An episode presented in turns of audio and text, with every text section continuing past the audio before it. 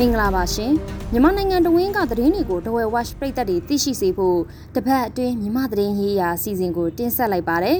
ဒီတပတ်မြန်မာရေးရာမှာတော့အောက်တိုဘာလ15ရက်ကနေ21ရက်အထိတပတ်တာအတွင်းဖြစ်ပျက်တွေထဲကထူးခြားဖြစ်စဉ်တွေကိုကောက်နှုတ်ဖော်ပြသွားမှာပါဒီအစီအစဉ်ကိုတဝဲ watch ဝိုင်းတော်သားတွေကစီစဉ်တင်ဆက်ထားတာပါ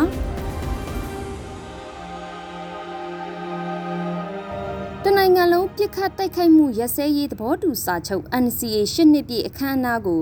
NCA လက်မှတ်ထိုးထားတဲ့ KNU အပါအဝင်အင်အားကြီးတိုင်းရင်းသားလက်နက်ကိုင်အဖွဲ့တွေမတက်ရောက်ကြပါဘူး။ NCA နှစ်ပတ်လည်နေ့အခမ်းအနားကို အောက်တိုဘာလ15ရက်နေ့ကနေပြည်တော်မှာကျင်းပခဲ့တာပါ။ NCA လက်မှတ်ထိုးထားတဲ့10ဖွဲ့ထဲကကရင်အမျိုးသားအစည်းအရုံး KNU ချင်းအမျိုးသားတပ်ဦး CNF မြန်မာနိုင်ငံလုံးဆိုင်ရာចောင်းသားများဒီမိုကရက်တစ်တပ်ဦး ABSDF တို့က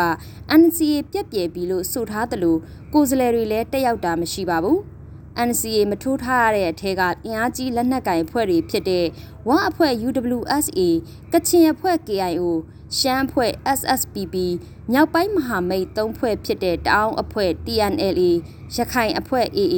ကိုကန့်အဖွဲ့ MNDAA တို့လည်းမတက်ရောက်ခဲ့ကြပါဘူး။ NCA လက်မှတ်ထိုးရမှာပါဝင်ခဲ့တဲ့ KNU ဥက္ကဋ္ဌဟောင်းဘူချုပ်ကြီးစောမှုတူစေဖို့တက်ရောက်တာဟာ KNU နဲ့မဆိုင်ဘူးလို့ KNU ဘက်ကတုံ့ပြန်ခဲ့ပါတယ်။ ABSDF ကလည်းသူတို့ရဲ့ယက်တီချက်နဲ့စန့်ကျင်ပြီး NCA နှစ်ပတ်လည်ပွဲကိုတက်ရောက်ခဲ့တဲ့ဒုဥက္ကဋ္ဌရဲဘော်မျိုးဝင်းရဲဘော်စောမမောင်ဦးနဲ့ရဲဘော်မင်းစော်တို့ကိုယာဒူးတာဝန်တွေကနေရုပ်သိမ်းလိုက်ပါတယ်။ပြည်ပအနေနဲ့တရုတ်အထူးကိုယ်စားလှယ်မစ္စတာတိန့်ရှီကျွန်း အိန္ဒိယထိုင်းနိုင်ငံတွေကတက်ရောက်ခဲ့ကြပါတယ်။ဂျပန်နဲ့အနောက်နိုင်ငံတွေကတက်ရောက်တာမတွေ့ရပါဘူး။ NCA နှစ်ပတ်လည်နေ့ဟာစစ်ကောင်စီတရားဝင်မှုရအောင်ကြိုးပမ်းတဲ့ပွဲလို့ဝေဖန်မှုတွေရှိခဲ့ပါတယ်။ NUG ယာယီသမရကလည်း NCA ဟာအာဏာသိမ်းချိန်ကနေပြက်ပြယ်သွားတာကြောင့်အခုလိုနှစ်ပတ်လည်အခမ်းအနားကျင်းပတာဂုံတိတ်ခါမဲ့တဲ့လုပ်ရက်လို့ပြောဆိုထားပါတယ်။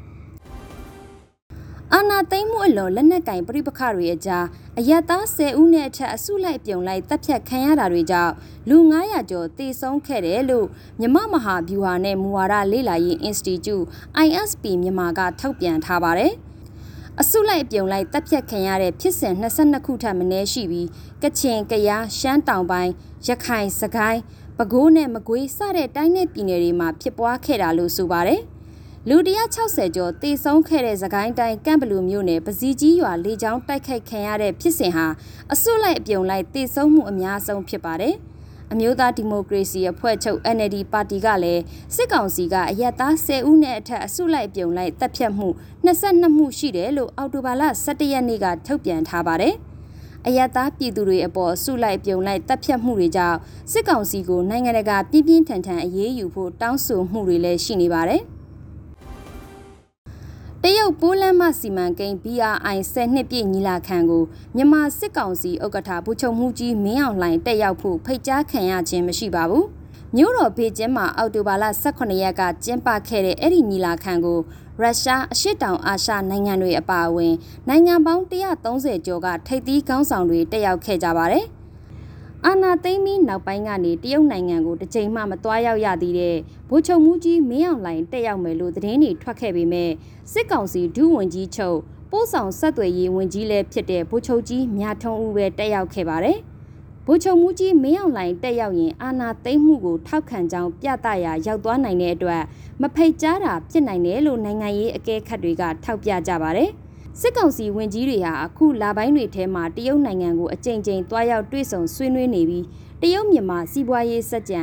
electronic သက်သေခံကတ် EID စနစ်တွေတရုတ်နျူကလ িয়ার နည်းပညာတွေအပါအဝင်စီမံကိန်းများစွာအတွက်တွားရောက်ဆွေးနွေးနေတာပါ။ ကလေးငယ်12ဦးအပါအဝင်စစ်ဘေးရှောင်ဒုက္ခသည်29ဦးသေဆုံးခဲ့တဲ့ KIO ဌာနချုပ်အနီးကမုံလိုင်ခတ်စစ်ဘေးရှောင်ဒုက္ခသည်စခန်းဖြစ်စဉ်ဟာဘုံကျဲတိုက်ခိုက်ခံရတာလို့အာဆီယံကထုတ်ပြန်လိုက်ပါတယ်။အခုလိုတိုက်ခိုက်ခံရတာကိုရှုံချထားပြီးအလွန်အမင်းစိုးရိမ်တယ်လို့လည်းအာဆီယံကအောက်တိုဘာလ18ရက်ကထုတ်ပြန်တဲ့ကြေညာချက်မှာဖော်ပြထားပါတယ်။အကြမ်းဖက်မှုတွေချက်ချင်းရပ်တန့်ဖို့လည်းတောင်းဆိုထားပါတယ်။စစ်ကောင်စီကမုံလိုင်ခတ်ဖြစ်စဉ်ဟာ ဘုံကျဲတိုက်ခိုက်ခံရတာကြောင့်မဟုတ်ပဲလက်နက်တူလောင်ယုံပောက်ကွဲတာလို့ထုတ်ပြန်ထားချိန်မှာအာဆီယံကအခုလိုထုတ်ပြန်လာတာပါ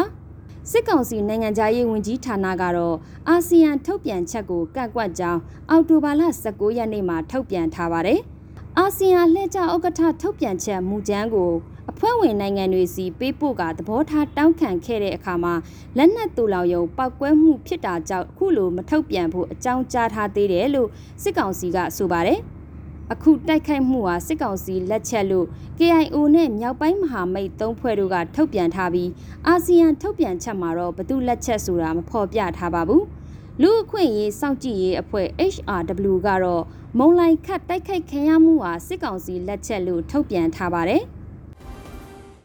ပြည်ပရောက်မြန်မာအလုပ်သမားတွေတင်မောသားတွေအခွန်ဆောင်မှနိုင်ငံကူးလက်မှတ် passport တက်တန်းတိုးပေးမယ်လို့စစ်ကောင်စီရဲ့ passport ထုတ်ပေးရေးအဖွဲ့ကကြေညာထားပါတယ်။အလောက်အကင်အမျိုးအစား passport PJ ကိုင်ဆောင်သူတွေနဲ့တင်မောသား passport PS ကိုင်သူတွေ passport တက်တန်းတိုးရင်ပြည်တွင်းအခွန်များဦးစီးဌာနကထုတ်ပေးတဲ့အခွန်ကင်းရှင်းကြောင်းထောက်ခံချက်ပါရမယ်လို့ဆိုပါတယ်။ပြည်ပရောက်မြန်မာအလုပ်သမားတွေစီကနေ ပြည်ပမှာရရှိတဲ့နိုင်ငံခြားငွေအမျိုးအစားနဲ့ဝင်ငွေခွန်30ရာခိုင်နှုန်းကိုကောက်ခံမဲ့ပြည်ထောင်စုအကောက်ခွန်ဥပဒေကိုပြင်ဆင်တဲ့ဥပဒေကိုပြီးခဲ့တဲ့စက်တင်ဘာလ12ရက်နေ့မှာစစ်ကောင်စီကပြဋ္ဌာန်းခဲ့တာပါ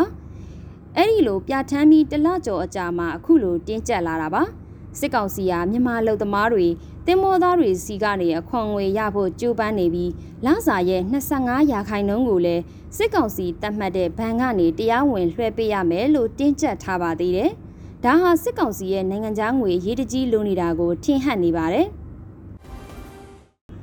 ပဲခူးမြို့မှာ59နှစ်အတွင်းစံချိန်တင်ရေကြီးမှုနဲ့ကြုံခဲ့ရပြီးမိုးစပါးစိုက်ဧက8800ကျော်ရေကြီးနှိမ့်မြုပ်ခဲ့တယ်လို့စစ်ကောင်စီအာဘော်သတင်းစာတွေမှာအောက်တိုဘာလ18ရက်ကဖော်ပြထားပါတယ်။မိုးစပါးစိုက်ဧက8800ကျော်ရေနှိမ့်မြုပ်ခဲ့တဲ့အထက်ကပြန်ပေါ်ဧက8800ကျော်ရှိတဲ့အနက်3600ကျော်ထိခိုက်ပြီး4900ကျော်ပျက်စီးတယ်လို့ဖော်ပြပါတယ်။ ပြည်တွင်းသတင်းတချို့မှာတော့ပဲခူးတိုင်းအတွင်းလယ်ဧကသိန်းချီပျက်စီးနိုင်ပြီးလယ်သမားတွေအတွက်နစ်နာဆုံးရှုံးမှုကြီးတယ်လို့လယ်သမားတွေနဲ့လယ်သမားအရေးဆောင်ရွက်သူတွေကိုမေးမြန်းဖော်ပြထားကြပါတယ်။ပဲခူးမြို့မိုးရေချိန်ဟာ59နှစ်အတွင်းမှာစံချိန်တင်ရွာသွန်းခဲ့ပါတယ်။ရေစကြီးတဲ့အောက်တိုဘာလ10ရက်နေ့မှာ9.89လက်မအထိရွာသွန်းခဲ့ပြီးပဲခူးမြစ်ရေဟာလည်းစိုးရိမ်ရေအမှတ်အထက်၄ပေကျော်အထိရောက်ရှိခဲ့တာပါ။ ဒါကြောင့်တမြို့လုံးရေပြင်ဖြစ်ခဲ့ရပြီးဒေသခံ14000ကျော်ကယ်ဆယ်ရေးစခန်းတွေကိုပြောင်းရွှေ့ခဲ့ရပါတယ်။ပရိသတ်ပေါင်းတို့ကိုရောစိတ်ပါကျမ်းမာချမ်းသာကြပါစေ။ကပ်ပြီးမျိုးမျိုးကနေအမြန်ဆုံးလွတ်မြောက်ပါစေကြောင်းဒဝဲဝက်ဝိုင်းတော်သားများကစုမုံကောင်းတာအပ်ပါတယ်။နောက်တစ်ပတ်မှာလည်းမြမသတင်းရေးရာအစီအစဉ်ကိုဆက်လက်စောင့်မျှော်ကြည့်ရှုနားဆင်ပေးကြပါအောင်ရှင်။